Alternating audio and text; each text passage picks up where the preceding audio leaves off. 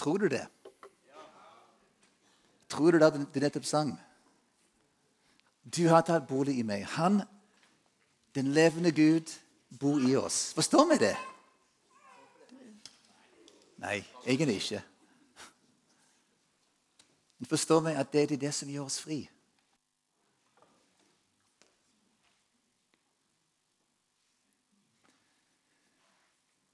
Jeg har lyst til å ta dere litt eh, med i min vandring eh, sammen med Jesus. Mitt navn er Steve Bruns, for dere som ikke kjenner meg. Jeg er født som misjonærbarn i Japan i 1959. Flyttet til USA da jeg var ni år. Gikk lydig i kirka fram til jeg var 18. Og Da flyttet jeg vekk for å studere mitt første passion, lidenskap, det var musikk. Eh, for meg etter hvert ble musikk min alt i alle. Det var det jeg drømte om, det jeg levde, det jeg holdt på med. Det var min drøm å være profesjonell musiker. Og det klarte jeg til slutt. Jeg kom til Norge da jeg var 22 år. Jeg og begynte å jobbe som musiker i Stavanger Symfoniorkester. Men jeg mistet noe på veien. Det var troen. For meg var musikk det viktigste. Jesus var noe som lå der. Jeg valgte å kalle meg selv for agnostiker for å ikke ta altfor stor avstand fra min familie. Jeg tenkte Det var litt dramatisk å kalle meg for ateist. for poenget var at Jeg kunne ikke vite om Gud levde eller ikke. Men jeg valgte, å, jeg valgte det jeg trodde mest på, det var meg selv og det var min musikk. Heldigvis kom jeg til Norge og fant noen mennesker, eller de, de som fant meg, som var kristne.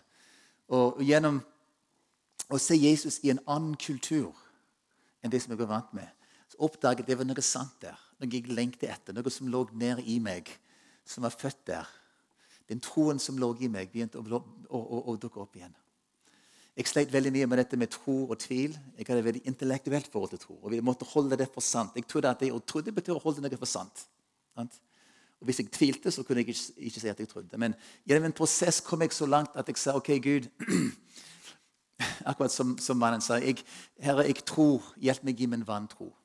Så jeg valgte å tro. Jeg tok et bevisst valg til å tro på Jesus med mitt hode og begynte å følge han. Så jeg, jeg, var, jeg var kanskje frelst hele tiden. Jeg vet ikke om jeg var frelst eller ikke. for det lå en tro det hele tiden. Men jeg valgte bevisst da jeg var 22 år å følge Jesus. Da tenkte jeg ok, nå har jeg gjort det viktigste. Nå, har, nå er min sak i orden med Gud. Gud, Gud. Nå, har jeg billetten til himmelen. Fantastisk. Jeg er ikke klar over det. Det var et under. Og jeg er enormt evig takknemlig for at Gud dro meg tilbake igjen. og jeg møtte han. Men det jeg ser når jeg ser tilbake igjen, var at jeg forsto egentlig ganske lite av hva det handler om. Jeg husker jeg var, um, jeg var med i Indremisjonen på den tida. Jeg ble frelst gjennom en indremisjonsmiljø. Og deres um, visjon, eller, eller, eller altså, målsetning på den tid var to. Det var å vinne og bevare. Okay? Så jeg var vunnet, det var det første skritt. Og så var det å bli bevart. Det var det neste skrittet. Så for meg besto kristenlivet av å gå i kirka um, lese Bibelen og be. Gjøre alle de tingene man måtte gjøre for å være en god kristen. Det handler veldig mye, det er egentlig religion. Sant? Vi vet at religion det er alt det vi gjør. Det er det ytre. Og Det er hovedsakelig det som vi var opptatt av. Vi bruker en Jeg går og bærer på en trekant. Det er liksom en, for å hjelpe meg å huske hvordan jeg skal leve livet mitt. Altså en trekant, For meg er det et bilde av en disippel, bilde av meg sjøl. Det handler om å leve liv i tre relasjoner. Det er det som Jesus kaller oss til. Å lever først og fremst i relasjon til Gud oppover. Og så i relasjon til kirker, til Guds familie, til menigheten, de andre kristne. De innover. Og så lever vi i relasjon til den verden ut forbi. Vi skal dele det vi har med alle som, som uh, Vi ønsker at alle skal få møte Jesus. ikke Så, så, livet for meg handler om det. Det handler om jeg skulle lese Bibelen, jeg skulle be. Det som alle kristne skulle gjøre. Så gå i kirka. Jeg skal ha en tjeneste og være med alle de kristne, gjøre de, de tingene, gi penger og alt det som hørte til der. Og så skulle jeg helst være med og dele mitt vitnesbyrd med andre og prøve at andre skulle komme til Jesus. Og det var vel og bra. Men, men, når jeg ser tilbake igjen, så vet jeg at mye av mitt liv som Jesus handler om har dårlig samvittighet. Fordi jeg fikk det aldri til som jeg ville. Uansett hvor mye jeg leste Bibelen og ba, var det alltid noen jeg kunne sammenligne meg med som leste mer, som visste mer, som var klokere enn meg, og som ba mer. Og som brukte mer tid og søkte Gud. Og jeg, jeg, det var et strev til tider. Veldig strev til, til det andre tider bare litt som resignert. Ok, da er det bare sånn. Den som jeg kanskje fikk best TV innover. For jeg, jeg likte å, å gå i kirke. Jeg spilte i lovsangsteam og med band og reiste rundt. og masse ting. Så det var greit. Jeg fikk gjøre det jeg ville. Så på en måte innbiten var greit. Men det aller verste, det var utbiten. For jeg var ikke evangelist. Jeg syntes det var flaut å snakke med andre om Jesus. Det var kleint. Jeg prøvde som jeg skulle, men som regel gikk det galt. Og Det handler veldig mye om det å kunne forklare evangeliet. Jeg husker jeg satt på et tog og, i, i Europa. Så var jeg på interrail-tur for meg sjøl. Så satt jeg der og skulle, jeg leste Bibelen. Jeg skulle prøve å forklare til en annen hvorfor jeg trodde. Og jeg rotet meg bort. Jeg skulle, altså, hvorfor måtte Jesus dø? Og så begynte jeg å snakke om Det gamle testamentet med offerpakt og alt det der, og hvorfor jeg måtte ofre dyr. og så gikk helt i sør og tenkte jeg, jeg er mislykket. Jeg får det ikke til. Glem det. Heldigvis Gud har, har tatt meg gjennom en vandring. Og Det handler først og fremst av å være med i en menighet eh, som har fokus på de rette tingene. Eh, men det er en vandring som mange har vært gjennom sammen med meg. Og Kanskje det viktigste steg, det viktigste oppdagelse jeg hadde, var at jeg egentlig oppdaget hva det vil si å være Guds barn. Jeg visste at alle som tar imot ham, de har en rett til å være Guds barn. De som tror på hans navn. Jeg hadde lært det verset utenat. Så jeg visste at jeg var Guds barn. Det betydde først og fremst at jeg skulle til himmelen. Jeg var på en måte trygg. Men i vår menighet gikk vi en prosess for en del år siden der vi begynte å få tak i hva vil det egentlig si at Gud er vår far, og vi er hans barn. Hva vil det egentlig si å ha den identiteten først og fremst som å være en liten gutt på pappas favn? Hva betyr nå det egentlig? Sant? Det at Gud elsker meg uansett. Ingenting av det jeg kan gjøre, kan få Gud til å elske meg mer.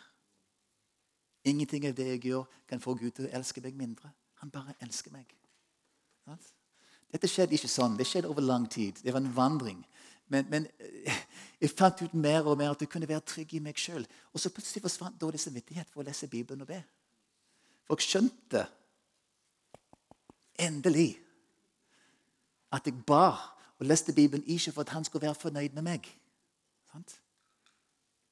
Jeg ba og leste Bibelen fordi han var fornøyd med meg. Fordi han elsker meg, vil jeg bruke tid med han.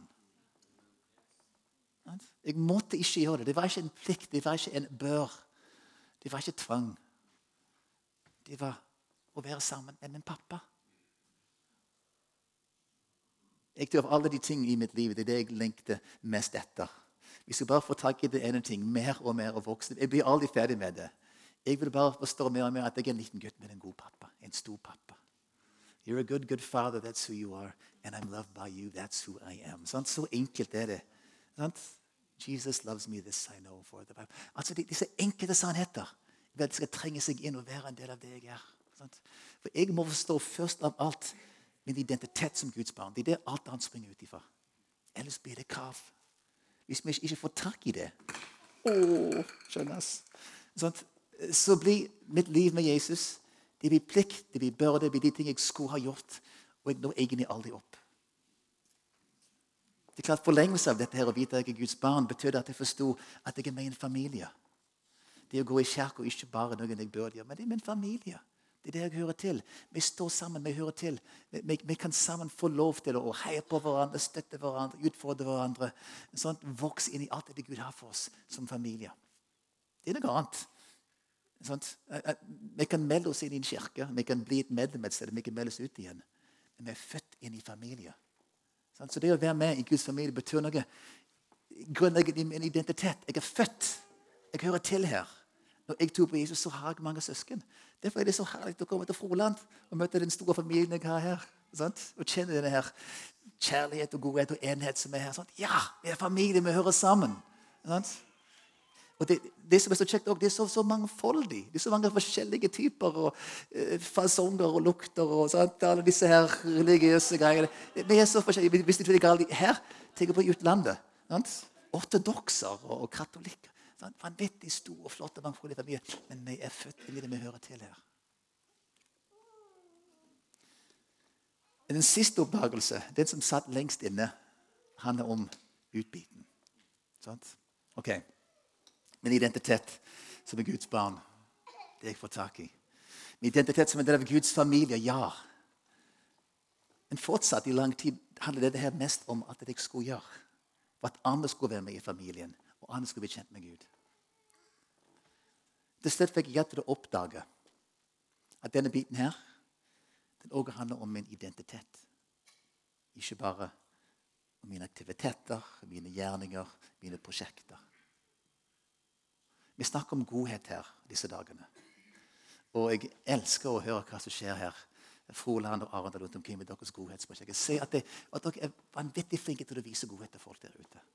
Jeg ser at det livet som leves her, får kontakt med stadig flere mennesker fordi dere, dere velger å dele Guds godhet på så mange måter med folk der ute. For meg er det en nøkkel jeg vet, en nøkkel for oss i Imi-kirka å få til denne bevegelsen ut. gjennom å forstå at Vi er ikke kalt til å frelse verden, vi er kalt til å elske verden. Ser vi det? Men jeg vil bare advare dere ikke la det bli et prosjekt. Ikke la godhet bli noe dere skal gjøre. At dere skal finne på, skal melde dere på og skrive opp på lappen. og på tirsdag skal det. Ikke la godhet bli et prosjekt, folkens. Da er de dødfødt. Da forstår folk at de er bare et prosjekt. Og Kirka skal ut og vise dere godhet for meg for et ekstra de kristne og gå i kirka og gi penger til de også. Sant? De lukter det på langt avstand. Men fakta er, folkens, at godhet er noe vi er, først og fremst. Vår identitet. Jeg skal ta, dere i, i, i, noen måter forstå uh, vår identitet på når det gjelder utdimensjon. Det første er at vi er sendt. Jesus sa i uh, Johannes 20, 21, Slik Far sendt, har sendt meg, sender jeg dere.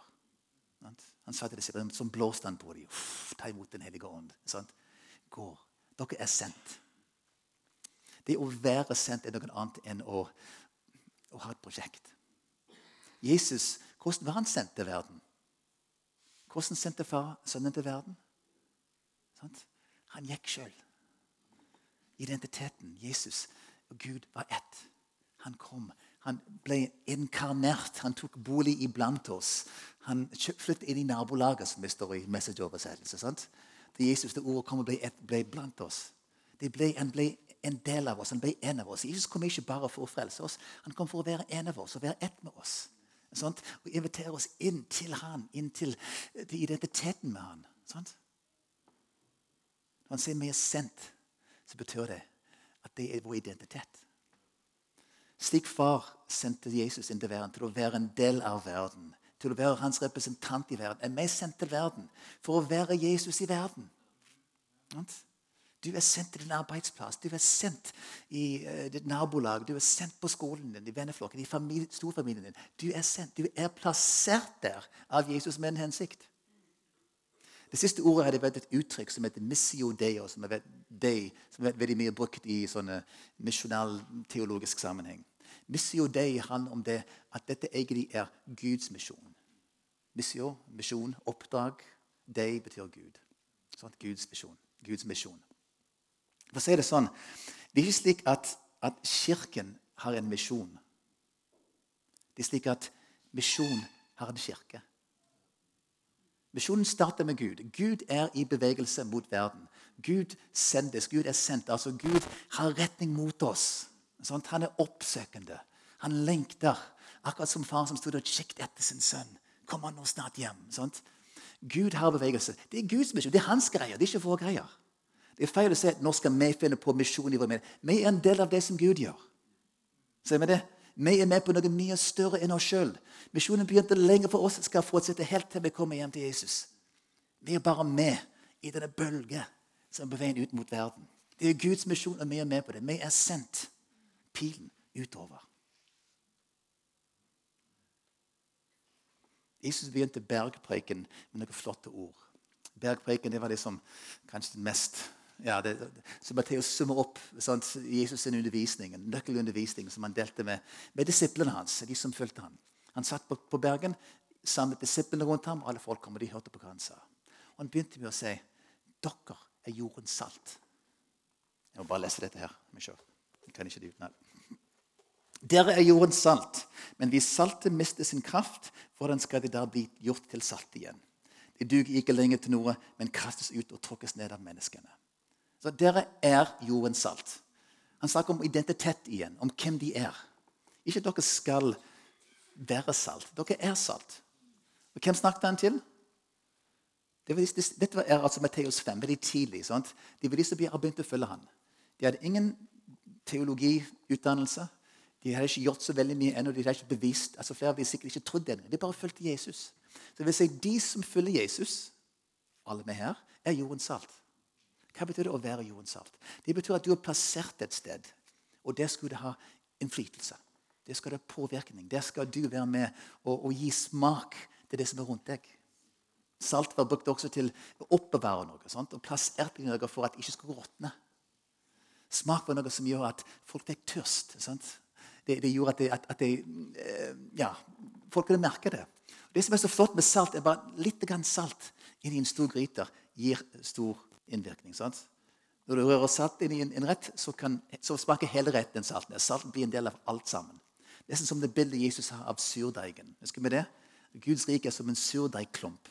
Liten klump som er plassert i en stor greie med mel, og så snart gjennomsyrer det hele greia. Sånn er det med salt også. Salt i verden gjør at hele verden kan smake på det. Det påvirker, det er en flytelse. Du trenger ikke masse salt for å kunne gjøre at Froland kan smake at Herren er god. Når dere er gode, De trenger ikke mer enn 100 mann. Så kan hele Froland smake at Herren er god. For salten er der. Og Så kom det som jeg elsker. Han sa etterpå Dere er verdens lys. En by som ligger på et fjell, kan ikke skjules. Heller ikke tenner man en oljelampe og setter den under et kar. Nei, man setter den på en holder, så den lyser for alle i huset. Hør nå. Slik skal deres lys skinne for menneskene så de kan se de gode gjerningene dere gjør, og prise deres far i himmelen. Altså, Jesus er verdens lys. Han sa det. Jeg er verdens lys. Han var den som kom fra det høye inn i en mørke verden for å vise sannheten. For å vise hvem Gud var. For å vise veien for alle de som lever famle i blinde. Her var lyset, her var veien. Og Når Jesus sier at vi er verdens lys, det er fordi vi følger han. Så når vi følger han, er han i oss. Du har tatt bolig i meg. Sant? Da er jeg lys. Når han er lys, han er meg, så er jeg lys. Så er du lys. Det betyr at overalt der du går, der er lyset. Og Tenk for et flott bilde. Når det var en kamp mellom lys og mørke, hvem er det som vinner? Alltid! Lyset vinner alltid. Når lyset skrus på, så forsvinner mørket. Det er ikke en sjanse. Det er borte. Lyset betyr fravær av mørke. Så når lyset er der, så vinner det hver gang. Mørket har ikke en sjanse i helvete. Det er lyset. Det er lyset som er sterkest. Det er lyset som viser farger, som viser sannheten, som viser alt som avslører det vonde, som viser det gode. Som, som lar oss få se.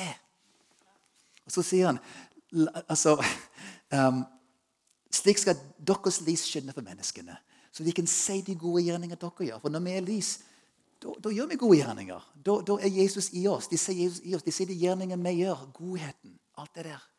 Og da skal de vite at det kommer ovenfra. Ikke, han sier ikke at da skal de se de gode gjerningene dere gjør, og skryte av dere. Eller gå i kirken deres eller gi penger til dere. Så de skal, de skal se de gjerninger dere gjør, og prise deres far i himmelen. Ser vi det? Fantastisk bilde. Men det kommer tilbake igjen til det vi er. Det kommer tilbake igjen til det vi er, vår identitet. Vi er sendt med salt, med lys. Vi fortsetter. Paulus bruker det bilder. Først må jeg si en ting her. I Imi kirke har vi noen karer som kjøpte en buss for noen år siden. Og Målet var å gå ut i sentrum eh, og parkere der på torget i, i sentrum natt til søndag. Og så valgte de å kalle dette for lys i mørket. Så hver lørdagskveld kjører disse folk en buss ned og parkerer det rett der på torget der de foregår alt slags merkelige ting. Altså drikking og slåssing og prostitusjon. og alt det der. Men der midt i mørket, et bokstavelig mørke og et åndelig mørke, står det en buss der de står 'lys i mørket'. De åpner opp dørene der. Det er varmt og godt inni der. De serverer kaffe. De drøser med folk. De er til stede. Folk som er kjærlighetssorg eller ikke finner noen, eller som er bare har lyst få en prat. De kommer innom der, så er de der. Og så deler de om De forteller om Jesus. De deler sitt vitnesbyrd. Og de ber for syke. Og I dag tidlig våkner jeg. Alltid spennende på søndag morgen å lese Facebook. Dagens rapport. I går kveld tre stykker ble helbredet, og fem stykker ble frelst. Sant? Ikke det bra? Ja. Og de kommer tilbake igjen. Sant? De, kommer, de, de, de blir deres kirke. De våger seg ikke inn i, i kjøkkenet med en gang. Altså, noen, av de, noen, av de, ser prostituerte. De, de, ja, de, har faktisk gjort det. Vi har hatt dem i kjøkkenet også, men de fleste det går lang tid. Men der finner de et fellesskap. Der finner de folk som har omsorg for dem. Det er folk som våger å tenne et lys midt i mørket der. Mens folk står ute på gata der og spyr. Så sitter de der og får lyset. Får et bilde. Lyset i mørket. Det er det. Det er hver enkelt av oss. Vi er lyset i mørket. Et bilde til. Paulus sier at dere er Kristi kropp, og hver av dere et lem på ham. Det er et bilde på, på mangfold. Alle vi har forskjellige oppgaver. Vi hører sammen som ett legeme, en kropp. Jesus er hodet. Vi er en del av det. Hvis vi tenker på hva det betyr i denne verden i dag, at vi er Jesu kropp i verden Det betyr at Jesus er det vi er. At vi er et bilde av Jesus overalt der vi går. Vi hører til, ikke bare hver enkelt, men som, som fellesskap. Vi er Jesus i Froland, i Arendal, Tvedestrand, Stavanger. Sant? Jesus bor i ditt nabolag. Jesus jobber på din arbeidsplass. Jesus går på din skole. Jesus spiller eh, poker med dine venner hvis det er det du gjør. Jeg vet ikke hvor du er, Men iallfall, det du er, det er Jesus. Sant? Martin Keivat, du siterte i går, at han er hans favorittsitater er eh, at folk i Norge har ikke sagt nei til Jesus. Folk i Norge har egentlig ikke sagt nei til Jesus. De vet bare ikke hvordan han ser ut. Hvordan ser Jesus ut egentlig? Hvordan ser han ut i dag? I Froland og Arendal og rundt omkring. Se på naboen din. Se på den som sitter ved siden av deg. Og så skal du si du ligner på Jesus. Si det til hverandre. Kom igjen. Se på den som sitter ved siden og sier du ligner på Jesus.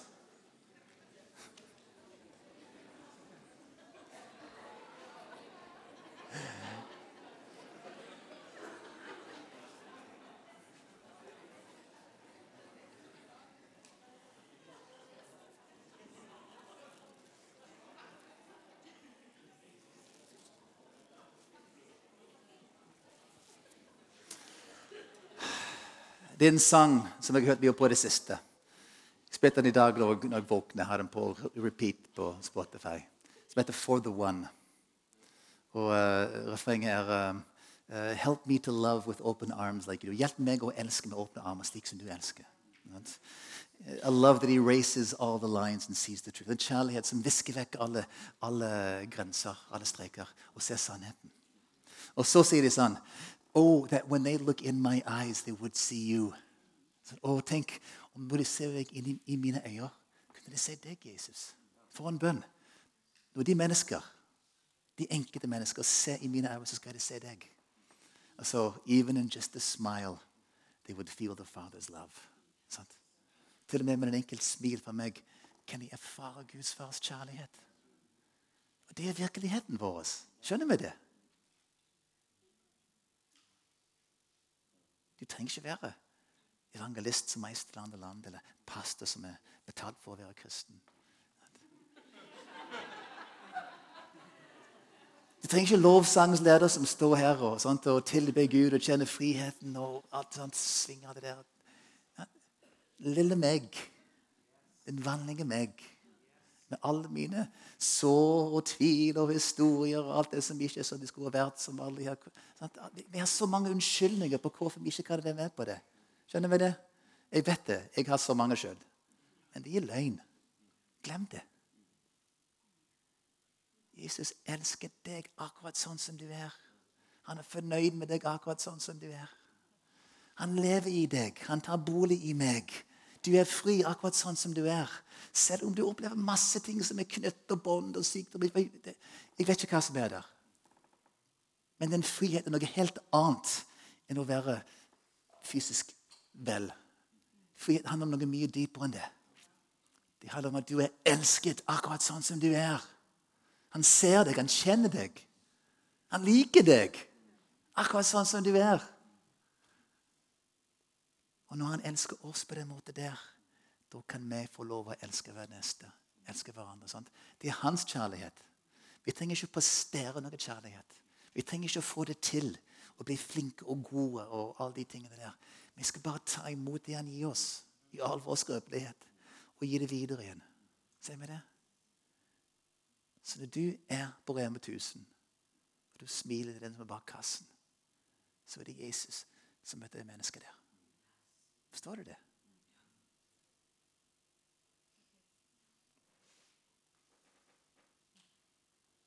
Det misjonale livet ikke når det blir et prosjekt. Det er noe vi er fordi Han som er sendt til verden. Fordi Han som er lys. Fordi Han som er godheten sjøl. Han bor i oss, i hver enkelt av oss. Dette må vi forstå. Ellers blir det bare et mas og et jag og prosjekter og flere ting. Nå skal vi, nå burde vi. Nei, la Han virke gjennom deg. Jeg er så glad for å ha disse her fra eh, Line og, og Helge og, og uh, Bianca med meg.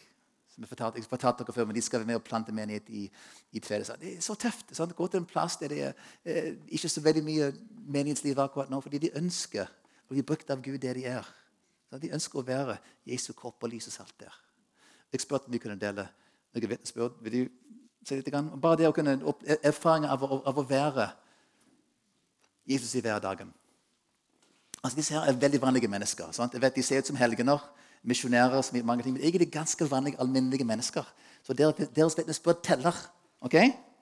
Ja. Hvem skal starte? Ja.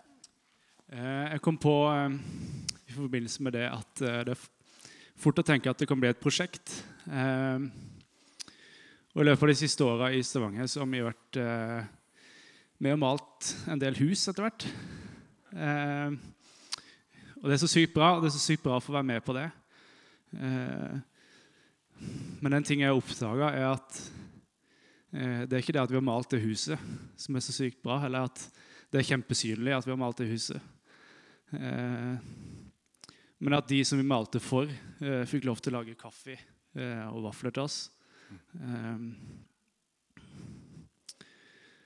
og at det hadde egentlig mye større betydning. Um, og det, det, gir meg liksom ikke noen unnskyldning lenger. Um, for det er så lett. Det er altfor mange som sitter ensomme hjemme. Uh, og det er så lett for meg å bruke min tid og gå hjem til dem. Vi trenger ikke den uka uh, på våren. Ja. Eh. Fantastisk. Ja, jeg skal dele litt fra min eh, tidligere skolehverdag. Eh, om det å være kristen aleine kristen da i klassen. Jeg tok en bachelor i eh, dans. Eh, og under høsten der, da, så De skjønte jo fort at eh, jeg var kristen.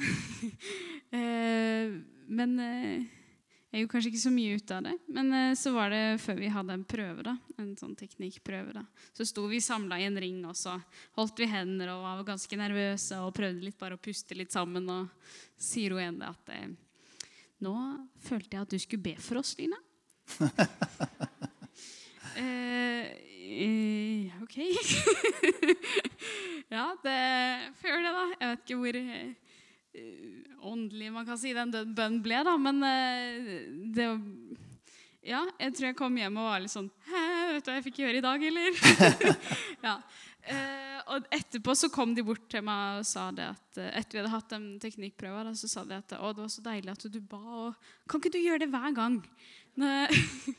så fra den dagen, så hver gang vi hadde en prøve eller en visning, eh, så samla vi i en ring, og så fikk jeg lov til å be for dem.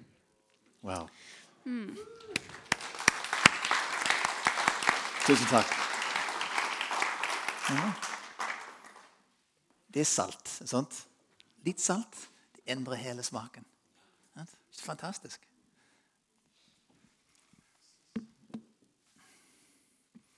Litt bonus på slutten her av talen. Um, hvordan ser denne kjærligheten ut? Hvordan ser denne godheten ut i praksis? Jeg sa at Gud har ikke kalt oss til å frelse verden, men til å elske verden. Jeg tenker Godhet det er på en måte kjærlighetsspråket. Vi tenker ofte at å elske handler om følelser. Men, men, kjærlighet må vises i handling. Kjærlighet er ikke kjærlighet hvis det bare blir en følelse. Hvordan skal vi vise denne verden at Gud er god? I går kveld snakket vi om, om det overnaturlige. Sånn, hvordan kan Gud minne oss og lede oss og bruke oss i hverdagen? Når vi snakker om det overnaturlige, når vi snakker om profeti, helbredelse, slike ting, så blir de ofte veldig fjern fra, fra vår hverdag. Men jeg tror at Gud vil at vi skal få lov til å dele hans kraft også i verden. Ikke bare godhet, men hans kraft også. Vi snakket om det profetiske i går kveld. Hvordan vi kan bruke det for å, å Gud minner meg på noen som jeg kan, jeg kan velsigne. Gud minn meg på noe som jeg kan be for. Gud, led meg til noen som du vil velsigne i dag. Jeg har sett det så mange ganger. at Når jeg har bedt en bønnen der, så har Gud ført meg inn i en situasjon det ikke betyr noe for andre. I går kveld så utfordret dere til å tenke på akkurat det. der. Gud, vis meg noen. Gi meg et, et bilde, et profetisk ord, noen mennesker som jeg kan velsigne. Var det noen som, som fikk et ord? En, en, en, person i går kveld som, som de minnet om? Blir du minnet om en person som ble stille? Ja. Nei, dere er altfor beskjedne her. Var, det noen som gjorde noe med det? Har du sendt en melding? eller noe? Ja, så bra. Flere? Yes! Flott. Vi tar det en gang til. Utfordrer dere. Bra. Veldig bra. Akkurat da Kjære far, kom nå med Den hellige ånd. Og gi oss et, et, profetisk ord, et ord som ikke vi kan komme på sjøl, men noe som du vil minne oss på, en person som du vil minne oss på, Gud, som vi skal velsigne på en annen måte.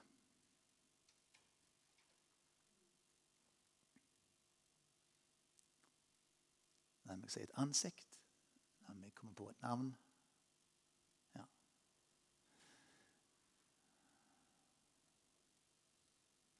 Og så ber jeg Gud at du skal vise meg konkret hva jeg skal gjøre for å velsigne denne personen her.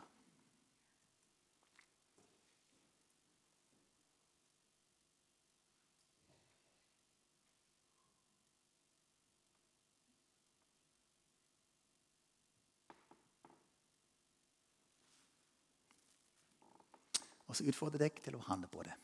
Gjennom en gang hvis du sitter her. Ta frem telefonen hvis du vil, eller når du kommer hjem i kveld eller i morgen tidlig. Når vi ber Gud lede oss til mennesker, så vil han gjøre det. Men ikke bare det. Tenker på helbredelse. Det er noe som vi ofte bruker her i menigheten. Uh, vi ber for andre mennesker og sier Guds kraft kommer og helbreder dem. I dag tidlig så er flere som blir rørt av Guds kraft i, på helbredelsesrommet. Men det, det, vi gjør her i kirka, av å be om helbredelse, det er ikke bare øvelse. Det er egentlig der ute de hører til. Det er ute på gata, det er ute på arbeidsplass i familie. Når vi møter mennesker som har fysiske plager, så går det faktisk an å si vet du hva?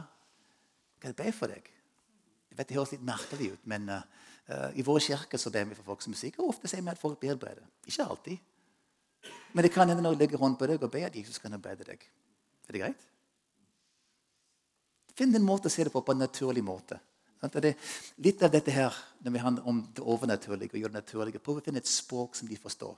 For ofte her i kirka så bruker vi både språk og tone for alt som kan være litt, sånn, litt kristelige. Og Det er helt greit. Sånn er det.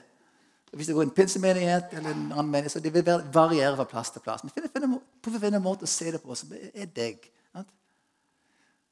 Eller du kan bare si vet du hva, jeg skal be for deg. Ofte på Facebook leser vi at noen er syk eller har mistet et familiemedlem, noe galt. Og så kan vi bare stikke et hjerte. Eller vi kan skrive 'tenke på deg'. Eller vi kan skrive 'jeg ber for deg'.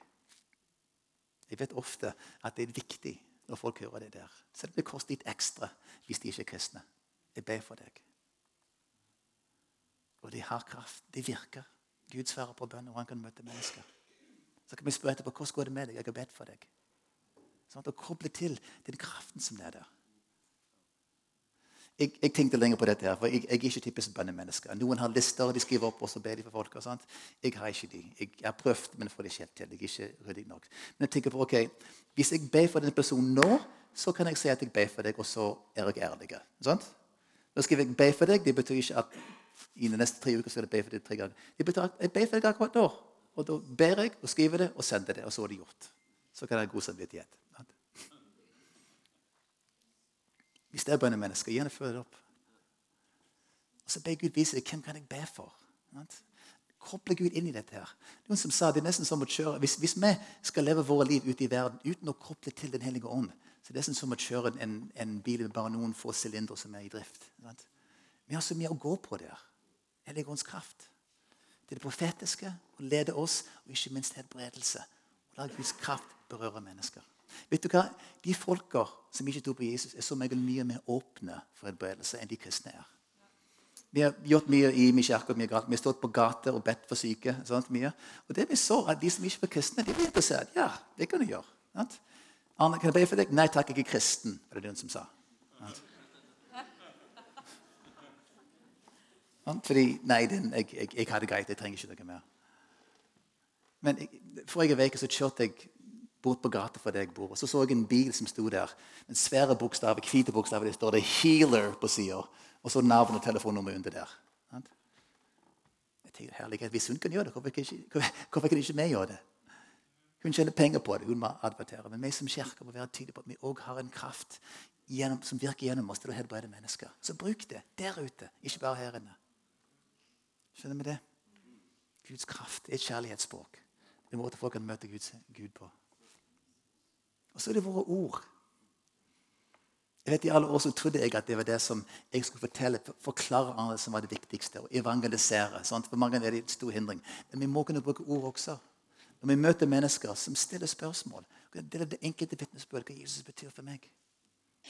Det som jeg har sett etter, som er så deilig, er at jeg tenker på at det ikke bare er meg som skal dele evangeliet, men det er oss som familie som kan dele. Jeg har en haug med gode vitnesbyrd jeg kan dele. Sant? Ikke bare mine vitnesbyrd, men dine og dine og dine. Hver gang jeg hører en god historie, så husker jeg på det. Da kan jeg dele det med noen andre. Sant? Adrian delte i går kveld dette bildet av han gutten på tolv Jeg har brukt, jeg har brukt det bildet mange ganger av en gutt som er helt uhelbredelig syk, som ble frisk igjen. Og jeg kjenner han, jeg kjenner foreldrene hans. Sant? Det kan jeg si til folk. Jeg kan til og med gi dem videoen eller DVD-en etterpå. Sant? Det er de enkelte vitnesbyrd. Snakk om det. Finn en måte å forklare det på. Men husk, sant? når vi skal dele våre ord, det er ikke opp til oss å overtale noen andre. Vi skal bare peke på Han. Guds kraft, ordene våre, og sist, men ikke minst, godhet. Det er et kjærlighetsspråk. Gode gjerninger. De enkelte ting. Smil. Hjelp. Vi har sett så mange ganger at det er for andre mennesker. Det å smake på Guds godhet vekker opp noen inn i mennesker. I går vi var på en sånn godhetskonferanse i Arendal. så uh, han Johannes fra IMI Arendal delte en historie som jeg har lyst til å dele med dere også. Det er en, en eldre mann i IMI kirke. Han er 80, par 80 år etter Finn Kolnes. Han var født som misjonærbarn i Kina mange år siden. Vokste opp til noen år, og så sendt tilbake til, uh, til Norge. Ganske ung. Han forteller at han var tilbake igjen for noen år siden uh, i Kina og vandret gjennom gatene der. Det er spesielt å komme tilbake som en voksen mann. Han så på tingene. Han hørte lyder. Han kjente på lukter. Og Så fikk han på en måte blitt tatt tilbake til barndommen. Og Så plutselig oppdaget han at han kunne telle til ti på kinesisk. Det, altså, det hadde han ikke, ikke visst om. Men det var et eller annet å være der som vekket en gammel minne som han ikke visste han hadde. det. Å komme tilbake og smake på noe, lukte på noe, høre, se noe. Det vekket til liv en gamle minne som han glemte at han hadde. Jeg tror det er sånn også når folk møter Guds godhet.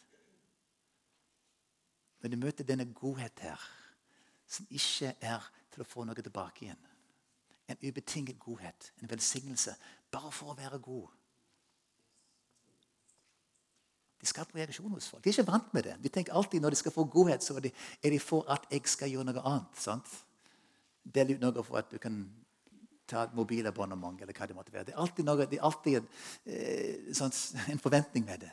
Men det å, å, å, oppdage en godhet som bare gir, gis, det er guddommelige. Det er nåde. Det er Jesus.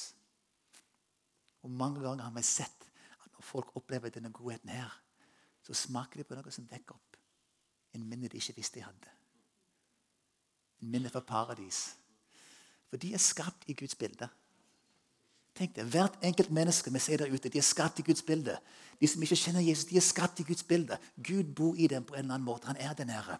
Og Gud er god. Den godhet som er Gud, er et eller annet sted der. En fjern minne. Og når de smaker på denne godhet som ligger i dem, så ofte vil de vekkes fram en gammel minne. De begynner å stille spørsmål om Gud. om eksistens. Hvorfor er de til? De rører ved noe. Det er det vi ønsker å se. At denne verden skal smake og se at Herren er god. Og du og meg får lov til å være hans representanter i verden. det vi gjør. Skjønner vi det? Det er ikke et prosjekt. Det er vår identitet. Det er det vi gjør fordi Jesus bor i oss. Lovsangsteam. Jeg spurte om jeg kunne ta denne sangen For the One. Jeg vet det går på engelsk, men hvis du ikke kan engelsk, bare husk det. Even in just a smile, they will feel the Father's love. Bare i en smil vil de kjenne på Guds fars kjærlighet.